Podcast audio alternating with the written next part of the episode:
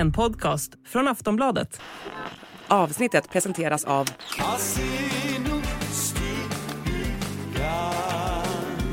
Stödlinjen.se, åldersgräns 18 år. Idag så ska vi prata om pengar. Prins William sitter på en enorm förmögenhet och vi tar oss en titt på vad han gör med pengarna. Vi avslöjar även vad för kungliga dyrgripar som säljs på auktion just nu. Och nu står det klart att skandalprinsen Andrews liv kommer att bli tv-serie med fokus på sexskandalen och den ökända intervjun där prinsen ljög. Det här är Kungligt. Jag heter Sara Eriksson. Och jag heter Jenny Alexandersson.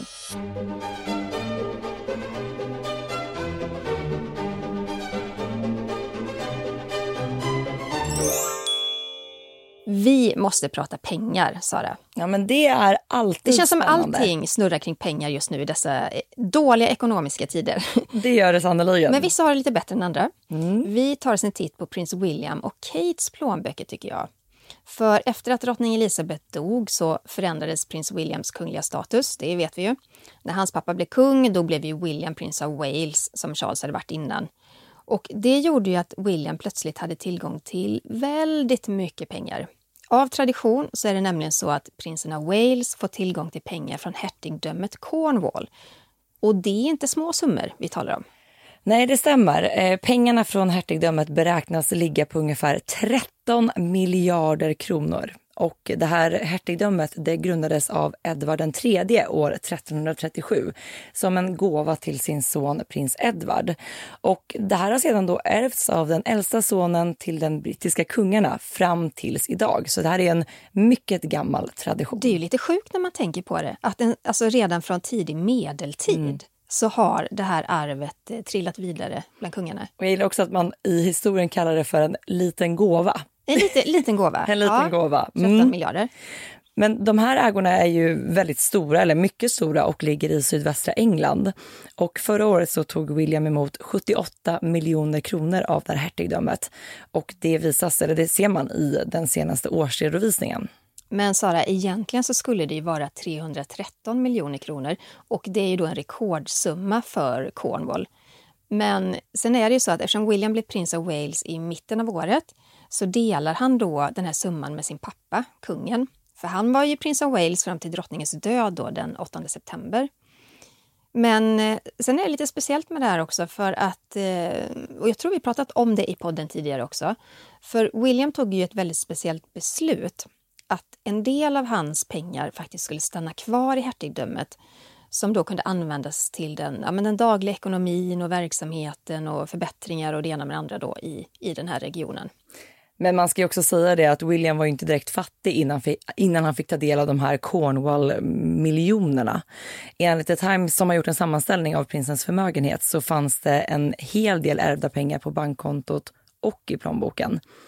William ärvde 130 miljoner när prinsessan Diana dog och det gjorde ju även prins Harry. Ja, och William han ärvde ju också efter sin farmors mor, drottningmodern. Hon dog ju i mars 2002 och det sägs ha varit en nätt lite förmögenhet som trillade in på Williams konto där också. De behöver ju inte oroa sig för elräkningar och sånt där. Verkligen inte. Och kollar man då på prinsessan Catherine så har faktiskt hon pengar också. Inte lika mycket som sin man, men The Times uppskattar då hennes förmögenhet att ligga runt 130 miljoner kronor. Det räcker och blir över. Men jag tycker ändå att det säger någonting lite om det här med att, eh, att prins William inte valde att ta alla pengar själv utan också så här ge tillbaka till hertigdömet.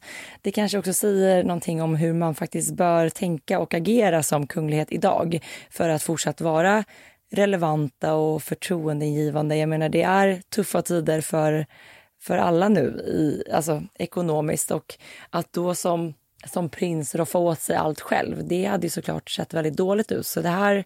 Ja, för vad gör man med 313 miljoner? I och för sig kan komma på tusen saker att göra, men, men det är ändå precis som du säger, Mm. så symboliskt. Och det startade ju redan kung Charles nu det här med att kapa grenar inom kungafamiljen och att dra åt den här pe penningpungen till familjemedlemmarna och sådär. Sparsamhet och ekonomisk... Eh... Ja, men de, de måste det för att fortsatt vara relevanta och inte bli alltför ifrågasatta. Jag tänker när vi var i London vid kung Charles kröning, då såg man ju väldigt mycket motstånd mot kungen och mot hela och demonstrationer, demonstrationer på, på flera platser runt om i London och även i resten av England.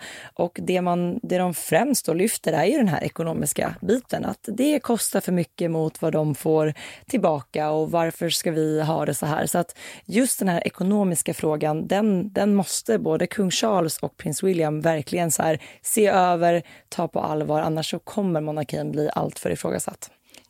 Ja, men jättebra synpunkt. Och just det där med att vara relevant. Eh, vi ska prata om en annan intressant grej kring det när det kommer just till William och Kate. Och deras relation till media. Mm. Och om man jämför med den äldre generationen kungligheter i Storbritannien och då William och Kate. Eh, till exempel drottning Elizabeth gav ju aldrig någon intervju. Hon deltog i ett par dokumentärer men, men ingen så här sitta ner-intervju med något medie. Kung Charles har gett en del intervjuer men han är ju ganska sparsam och fåordig eh, då när han möter journalister. Men ta upp den här spaningen Sara, för du hade väldigt bra tankar kring det just med William och Kate och ja. deras medierelationer. Ja, men det handlar om att man, man ser en, en helt annan typ av relation till media när det kommer till William och Kate. Och jag tycker faktiskt att den har förändrats mer och mer sedan de blev prins och prinsessa av Wales. Alltså det blev de ju i samband med att drottning Elizabeth dog.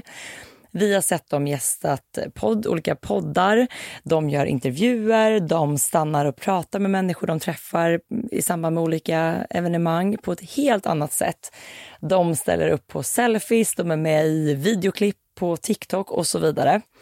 Och för en tid sedan så publicerades ett klipp med prins William när han gjorde en sån här this or that, när man ska liksom välja mellan två olika saker. Det ena och det andra? Eller? Ja, det är det här eller det här. det här typ det. så. Ja.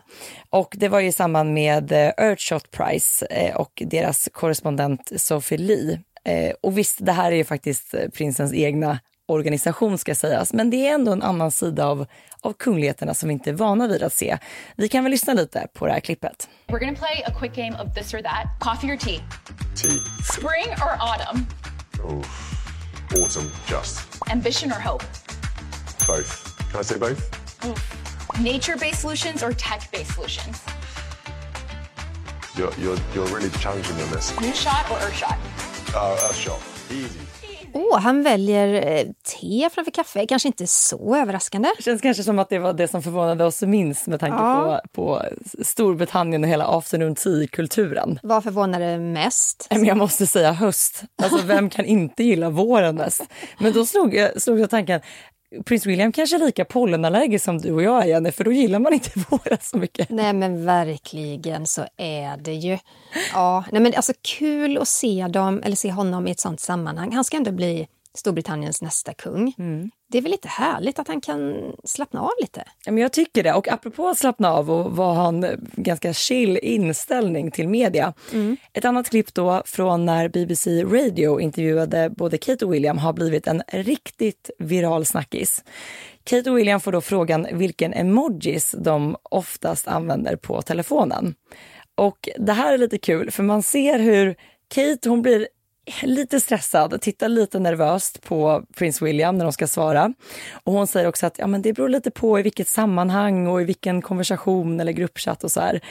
Varpå prins William är helt avslappnad och svarar skämtsamt då att han har blivit tillsagd att inte svara den här aubergine-emojin.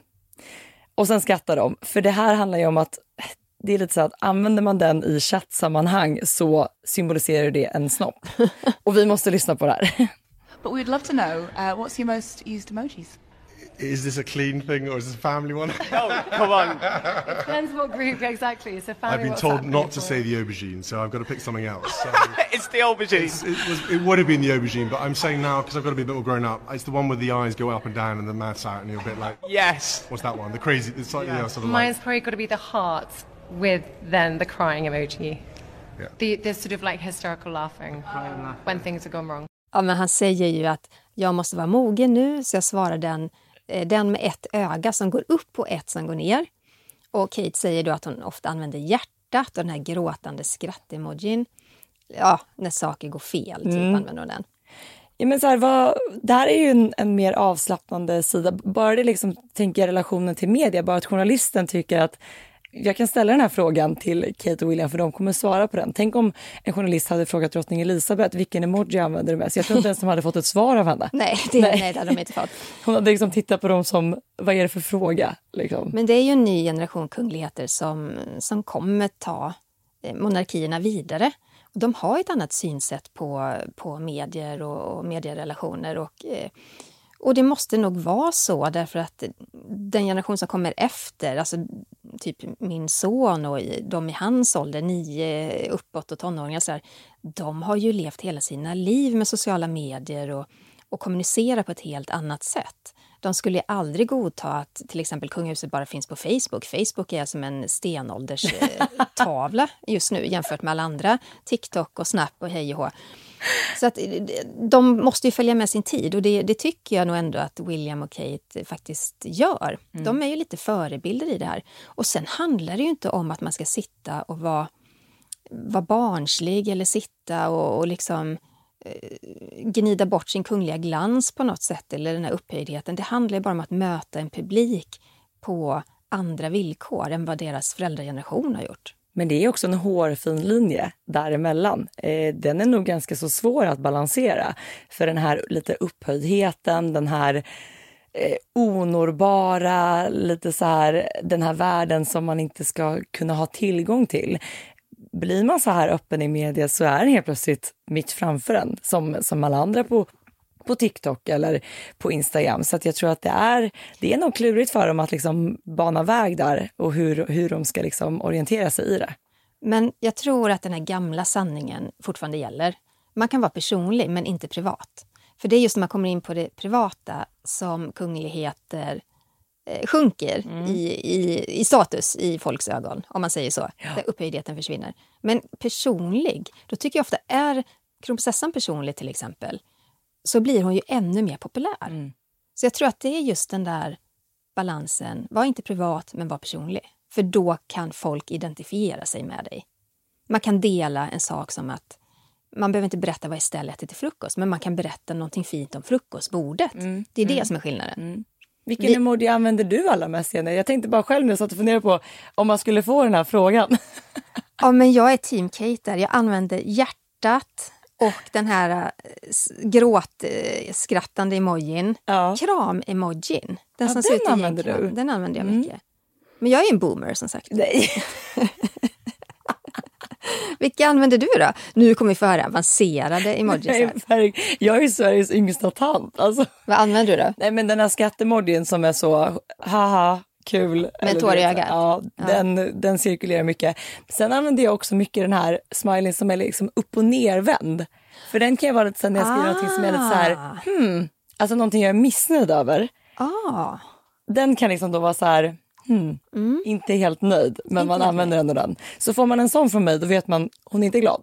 Då är man i onåd. Ja. Jag har inte men, fått den hittills. Det har du inte fått. Svårt att se att den skulle komma. Men summa summarum, jag gillar verkligen den här delen av Kate och William och mm. jag tycker att det är kul att vi ser kungligheterna liksom på en liten annan spelplan. Det är nödvändigt. Ja.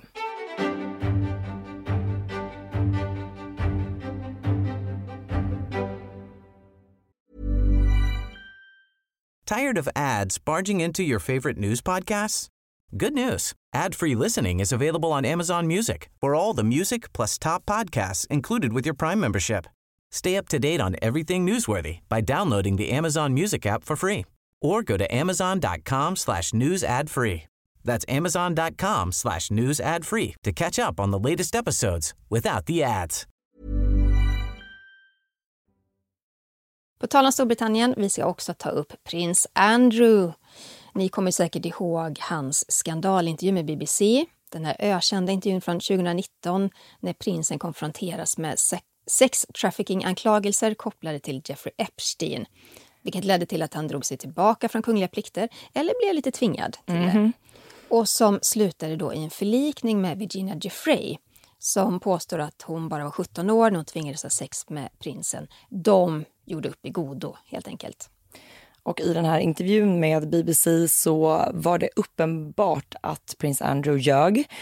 Han sa bland annat att eh, Virginia Giuffre ljög om att de träffas på nattklubb, för hon hade då berättat om hur de sågs i en nattklubbsliknande miljö och att prins Andrew skulle ha varit väldigt svettig vid det tillfället. Och prins Andrew sa bland annat i intervjun att han inte kunde svettas, så att det inte stämdes. Och... Ja, han, sa, han påstod att han inte kunde svettas. Mm. Så ja, det, är otroligt. Ja, och sen finns det ju även ett, en gammal liksom old school-foto, framkallad bild på de två tillsammans.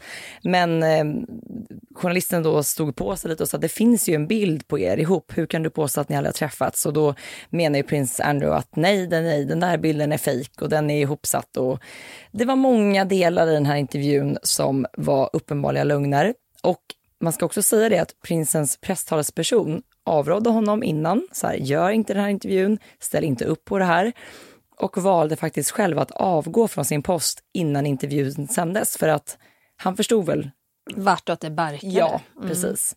Och det blev ju en katastrof. Ja, det blev det. Eh, jag tror också att eh, många kungligheter tror att de vet bäst, just för att eh, det finns inga andra som innehar de här ämbetena och yrkena som de har. Och då vet de bäst vad som funkar bäst. Kanske ibland att de ska lyssna mer på sina rådgivare. Mm. Eh, den här presstalespersonen vet såklart mycket mer om medier och hur de funkar än vad prinsen gör.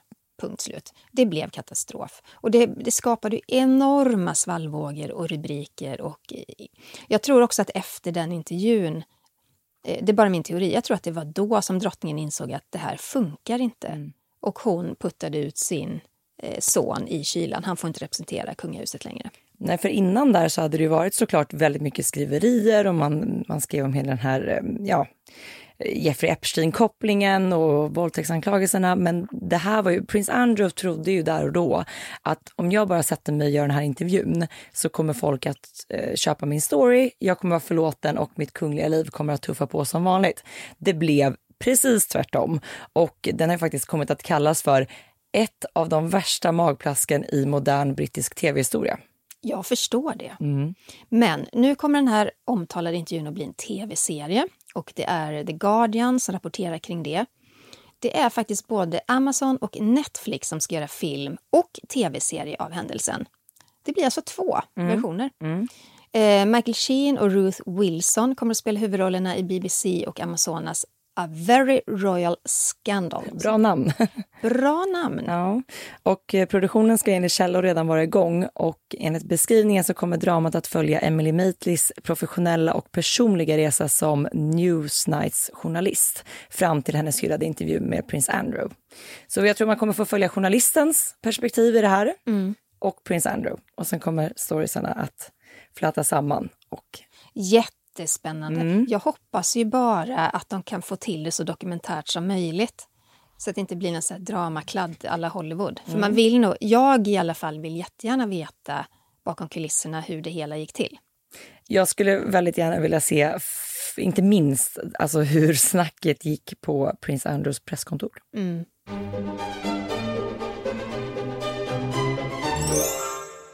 Vi ska prata, vi går tillbaka lite i historien tycker jag. Mm, vi ska prata trevligt. om drottning Elisabeth. Hon hade ju faktiskt bröllopsdag härom, eh, härom veckan. Ja, den 20 november 1947 så gifte sig drottning Elisabeth, som då fortfarande var prinsessa, med prins Philip av Grekland och Danmark. Och många brittiska tidningar rapporterade intensivt om förberedelserna inför, eh, inför och kring bröllopet som hölls i Westminster Abbey för 76 år sedan. Och det finns en sajt som heter Royal Central och de har gått igenom eh, ganska många av de här artiklarna som skrevs då. Och eh, i en av de här artiklarna, eller ganska många, så fokuserar man på de dukade borden väldigt mycket kring eh, bröllopsmiddagen. Det var alltså vad man skrev om då, för 76 ja, år men bland sedan. Annat. Man, man, skrev om allt, men, mm. men, bland annat. Och jag tror mycket handlar om att det här var efterkrigstiden. Det här med måltider och så. Alltså man levde ju under ransonering, så fokus var nog mycket kring sånt. Mm. Men då berättar i alla fall flera tidningar att huvudbordet var dekorerat med myrten som man plockat från ett skott som är då taget från drottning Victorias brudbukett och som senare då planterats och blivit en stor planta. Och det är ju samma tradition som även de nordiska kungahusen fortsatt med. Och det kommer ju faktiskt från samma planta. Man har tagit skott och så har man fört det till Danmark och, och Sverige och så vidare. Victoria hade precis som sin mamma drottning Silvia och sina fastrar myrten i sitt diadem till exempel. Och på de här borden då vid bröllopsmiddagen 1947 så mixar man de här myrtenkvistarna med rosa nejlikor. Det känns också väldigt efterkrigstid, Ja, nejlikor, eller ja. hur? Men även vit ljung. Och det kan ju låta lite sparsamt, ljung. Men då ska man komma ihåg att det är ju bara två år efter andra världskrigets slut. Den brittiska ekonomin den hade ju inte återhämtat sig ännu. Tar man till exempel drottningens brudklänning så kan, sägs det ju då att den har kostat kungahuset otroligt många ransoneringskuponger. Den var ju dyrbar och det var ju var det typ 10 000 pärlor som var fästa på den här klänningen. Om man då ska tänka att det var efterkrigstid så var ju inte direkt klänningen, där var man inte särskilt sparsam med varken valet av tyger eller utsmyckningar. Den var ju väldigt påkostad. Mm, absolut. Men tillbaka till ljungen. Ja, Sara. tillbaka till djungeln. Den är ju väldigt, det är en tålig blomma, en tålig växt. Jag är från Västergötland och det är ju vår landskapsblomma. Det, alltså det finns ju flera så här fält av ljung. Alltså går man på så här ljungfält, det är så vackert och det är, när det blommar är det ju fantastiskt. Det låter jättefint. Ja, men det blev som ett tema då på drottningens bröllop. Det fanns lite överallt. Och, och det är det här som medierna då på den här tiden, 1947, verkligen hakat upp sig på. Alla bröllopsgäster fick en mycket speciell gåva. Det var nämligen en kvist av den där kungliga djungeln med ett silverband knutet runt om. Och det var en gåva som uppskattades, uppskattades jättemycket. Dels för att den visade att drottningen var ekonomiskt lagd i den här tuffa efterkrigstiden. Men också för att det var, det var lite så här romantiskt och kärleksfullt att istället för, för någon pryl eller någonting, då fick man liksom den, den här lilla ljungkvisten. Och, och jag undrar ju jag undrar ju hur gästerna sparade. Undrar det finns någon kvist kvar? Ja, jag tänkte precis säga det. Alltså, man, man, vi är vana vid att se att så här gamla föremål och sånt där dyker upp på auktion. Men, Ja, men till, och med en bit, till och med en bit av Diana och Charles bröllopstårta har Ja. sålts på auktion någon gång. Exakt. Men den lilla ljungkvisten, Var är djungeln och hur mår djungeln idag? hur mår den idag? Ja, Men bröllopet kostade ju en del skattepengar också såklart. Och då blev ju en sån här gåva även en symbol för drottningen som väldigt ansvarstagande. Och jag tänker det fanns ju såklart en strategi kring valet av gåva också. där var det någon bakom kulisserna som verkligen hade tänkt till tror jag. Det tror jag också. Men apropå då det här med dukning och blomsterarrangemang. Ni som har lyssnat länge på podden, ni har, ju, ni har nog inte missat att jag är ganska så nördig när det kommer till ja, porslin och glas och allt egentligen som har att göra med du, dukning. Inte minst då när det finns en kunglig koppling. Mm. Eh, jag har ett minne av att du har berättat för mig en grej. Att du var med om en budgivning av en hel porslinsserie som Ja. inte var kunglig. Nej, Och var finns den nu? Vad hände med den? Var det på fyllan? så här. Jag är ju, jag, jag gillar ju, jag har koll på väldigt många olika så här auktionssajter och då den serien jag liksom främst alltid spanar efter det är ju Svenska slott eh, som är då en vit och blå serie som är så här, det är olika slott på varje tallrik. Aha. Och jag har några av den, både så här platta tallrikar, djupa tallrikar, men jag skulle ju vilja få ihop till en hel servis. Men använder du den i så fall då? Du serverar mat på Ja, den? ja, om du skulle komma ja. hem till mig på en pasta, då kommer du få pastan på Då en vill jag ha Drottningholms slott. tack. Ja, det kan du få. Men då i alla fall så jag, eh, du frågar om det hände på fylla. Så här, ja, vin hade druckits. Eh, Jag har också en, min bästa kompis är också väldigt porslinsintresserad. Vi satt och kollade på auktionssajter och så tänkte vi, där är ju, där är ju serien som du, som du samlar på. Och vilket bra pris! Du berättar, nu får du berätta vad du la ut för. Nej, men jag kommer, det var liksom, det kanske var, låt säga tusen kronor för 86 delar. Oj, Väldigt oj. billigt. Ja. Så jag slog till. ja. Det var ju den. Men hem, hem kommer tre flyttkartonger. Jag var ju tvungen att beställa frakt på det här för jag kunde inte åka och hämta det själv. Jag har ingen bil. Nej. Hem kommer tre stycken fulla flyttkartonger som de ställer utanför min dörr. Oj, Jag packar upp 86 delar Jenny det är ganska mycket. av helt fel serie. Fel serie! Men vad, vadå, du såg väl bilder på den på sajten? Ja, ja. men ja, den, var- den var lik. Den var lik, den var lik, men var det en kopia alltså? Nej, nej, nej, Nej. Det är en helt annan serie. Och Men, den, men ändå med slott eller? Nej, den är bara... Men du, då undrar jag hur mycket vin som hade druckits innan budet lades. Ja, det var, det var inte en, en vanlig måndag. Vad var det för motiv då, om det inte var slat? Nej, det är något annat. Det är någon liten... eh, Det, det är som, som två, två människor. Alltså det är inte alls slott, det är inte alls kungligt. Och den används inte. Nej, Så att, eh, nej. Den, står och skäms. Den står och skäms och jag har ju liksom inte direkt Sveriges största vindsförråd, det ska sägas. Det ska Men sägas. i vinden så är det porslin för en hel familj. Det, det kanske kommer till användning i framtiden eller så får väl jag sälja det vidare. I alla fall, apropå mitt, eh, mitt intresse, nu vart det lite sidospår här, Mm. men nu kan den som vill, jag skulle gärna vilja men jag har inte råd, köpa silverbestick, ljusstakar och glaskannor som tillhör eller har tillhört danska kungafamiljen. Mm. Det är nämligen så att i början av december så kommer då sällsynta och dyrbara kungliga föremål att auktioneras ut hos Brune Rasmussen i Ljungby. Lyngby heter det, förlåt. Och enligt ett pressmeddelande från auktionshuset så är det en stor samling med unikt kungligt silver som kommer att gå under klubban. Och det här har tidigare varit i Kristian IX och drottning Louise ägo, alltså nuvarande drottningens farfars farfar. Oj, det är riktigt gamla Mm, fina saker. Vad är det för prylar? Det är dels fyra stycken stora såna här kandelabrar, ni vet så enorma Ja. ljus... eh, Ljusstakar? Ja. Det är två glaskannor eh, med silverfästen och det är även monogram på dem. Så de är väldigt kungliga och stiliga. Eh, Det kommer även att auktioneras ut middags, middagsbestick efter prins Gustav av Danmark, alltså drottning Margretes farfars yngre bror. Och just de här eh, kandelabrarna har en mycket speciell kunglig betydelse. För tittar man tillbaka i tiden så har de alltså tillhört tre danska kungar och deras drottningar. Så att det har liksom verkligen varit i kunglig ägo. Fram tills att drottningens kusin, prins Knud av Danmark, tog över det här. För hela den här dyrbara samlingen den ärvde han och hans fru, prinsessan Caroline Matilde. Och eh, de har faktiskt använt hela den här samlingen liksom hemma eh, på Sorgenfri slott nära eh, Lyngby fram till prinsessans död 1995. Och då tänker jag att, eh, att det har ärvts vidare då kanske till något barn eller någonting av dem.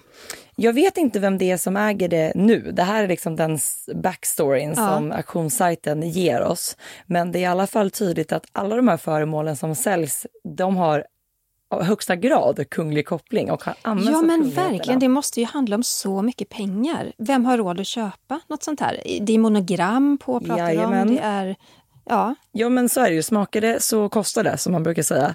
De här ljusstakarna de värderas till mellan 300 000 till 400 000 danska kronor. Men du det kommer gå för mer. Ja men så Om- är det alltid med här Med kunglig proveniens liksom. Mm, mm. Ja. Och de här glaskannorna är värderade till mellan 30 och 40 000 danska kronor. Men alltid såna här kungliga auktioner, de drar iväg. De drar iväg. Jag tänker också, borde inte danska kungahuset vara måna om att köpa Tillbaka tillbaka, det. det? För det är ju så mycket, jag menar, det är så många generationer tillbaka, det är så dyrbart och har så mycket betydelse och symbolik. Det hade varit väldigt kul att se hur drottning Margrethe nu, eller hennes söner, budar tillbaka de här Ja. detaljerna. Det kanske händer. Ja. Jag känner att vi får följa den här budgivningen. Jag har lite koll på det. Det är jättespännande.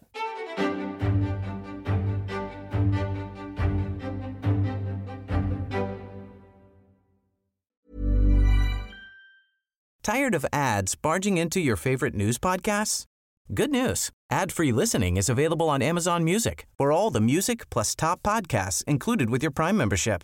Stay up to date on everything newsworthy by downloading the Amazon Music app for free or go to amazon.com slash news ad free.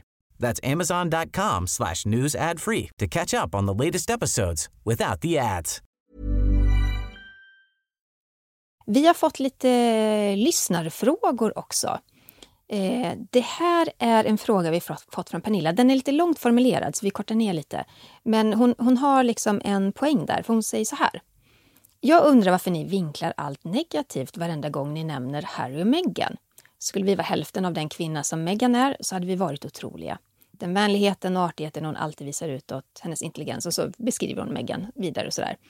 Eh, men framförallt, jag hoppas och önskar på en mer neutral vinkling när ni nämner prinsparet och inte en så orättvis. Jag har lyssnat på er podd varje onsdag i ett par år nu. Ja, men vi får börja med att tacka för Pernillas eh, fråga. Till och att hon oss. lyssnar så mycket. Ja, och att hon lyssnar. bra. Det är jättekul. jättekul. Och ja, men så här tänker vi, eller nu pratar jag, jag pratar för oss båda tror jag. Mm. Vi tänker så här kring Harry och Meghan. Vi försöker inte vinkla något. Eh, Vi tar upp både positiva och negativa händelser kring paret. Men eftersom många händelser kring Harry och Meghan har varit så negativa de senaste åren eller har skapat väldigt starka och negativa reaktioner så tror jag också att man verkligen kan uppfatta oss så när Mm. vi pratar om det. Inte minst när det har kommit till, liksom, jag tänker, ja, men alla turer kring Harrys självbiografi och alla kängor mot kungafamiljen, hur omvärlden har reagerat på det. För det, det vi brukar säga också kring detta, det är ju att eh, vi är inte negativt inställda till Harry och Meghan som personer, men eh, många av de val de har gjort att göra har vi kritiserat. Till exempel hur man tar steget ur kungahuset eller hur man har valt att göra det ena eller det andra. Men det har ju inte med dem och deras själ och hjärta och personligheter att göra, utan det är ju deras agerande. Mm. Vi har fått en fråga ifrån en lyssnare som vill vara anonym som skriver så här. Jag hörde att ni i något avsnitt nämnde att kung Charles verkar orolig över att flera samväldesländer inte längre vill ha en brittisk monark nu när Elisabeth gått bort. Men jag förstår inte riktigt varför kungen så gärna vill att länderna ska stanna kvar i samväldet. De har ju knappast, det har ju knappast undgått någon att Storbritanniens historia inte varit så snäll mot kolonierna. Så varför kan han inte bara stötta att dessa länder vill bli självständiga? Skulle det ens påverka hans position som kung av Storbritannien om samväldet minskar? Och jag älskar era så smarta frågor. Det kommer så mycket frågor till oss hela tiden och det är, det är intelligens i detta, tycker jag. Eh, mycket spännande. Eh, jag tror inte att kung Charles personligen är särskilt orolig egentligen. Han är en modern regent, han följer med i utvecklingen i samväldet. Men det är så här. Brittiska kungahuset har som inställning att de stöttar länderna i samväldet och varje beslut som tas. Tar de beslutet att bli republik, ja, då stöttar kungahuset det också. Och det hände ju faktiskt under drottning Elisabeths tid att eh, några länder blev republiker. Det kommer hända igen. Vi ser ju hur det liksom puttrar under ytan och det är många som öppet går ut och talar om att de vill ta bort kung Charles som statsöverhuvud. Eh, men kungligheterna lägger alltså inte någon egen känsla i ländernas beslut. Självklart kan ju Charles ha privata tankar om detta, men det kommer vi aldrig få veta. Han kommer aldrig lufta det, han kommer aldrig liksom diskutera det på något sätt, utan man håller den här linjen att kungahuset stöttar samväldets länder i deras beslut helt enkelt.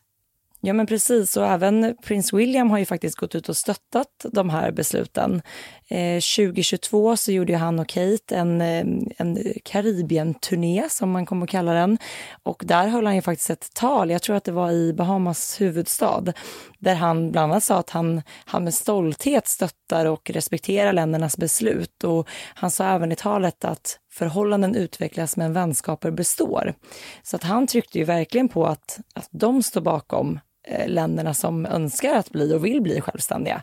Och det kommer, jag menar, ringa på vattnet. Jag tror också att många av de här länderna kände att när drottning Elizabeth dog att det var ett bra tillfälle att faktiskt bryta sig loss. För man har ju hyst sån otrolig respekt för henne i alla år.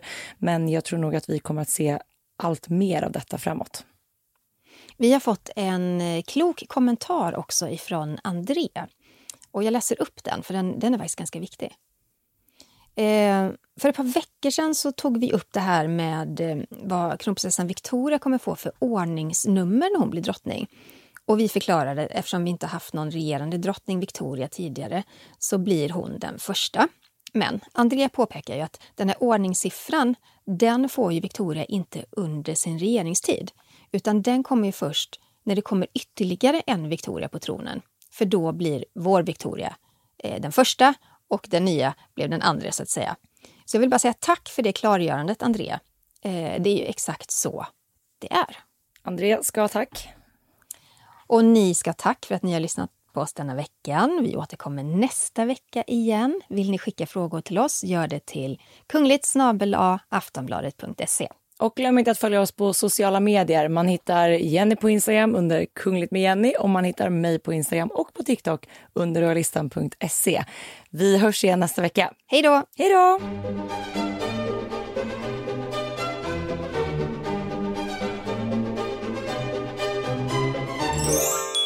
Du har lyssnat på en podcast från Aftonbladet. Ansvarig utgivare är Lena K Samuelsson. Subtle results, still you, but with fewer lines. Botox Cosmetic, out of botulinum toxin A, is a prescription medicine used to temporarily make moderate to severe frown lines, crow's feet, and forehead lines look better in adults. Effects of Botox Cosmetic may spread hours to weeks after injection, causing serious symptoms. Alert your doctor right away as difficulty swallowing, speaking, breathing, eye problems, or muscle weakness may be a sign of a life threatening condition. Patients with these conditions before injection are at highest risk. Don't receive Botox Cosmetic if you have a skin infection. Side effects may include allergic reactions, injection site pain, headache, eyebrow and eyelid drooping, and eyelid swelling. Allergic reactions can include rash, welts, asthma symptoms, and dizziness. Tell your doctor about medical history, muscle or nerve conditions including ALS or Lou Gehrig's disease, myasthenia gravis, or Lambert-Eaton syndrome and medications, including botulinum toxins, as these may increase the risk of serious side effects. For full safety information, visit BotoxCosmetic.com or call 877-351-0300. See for yourself at BotoxCosmetic.com.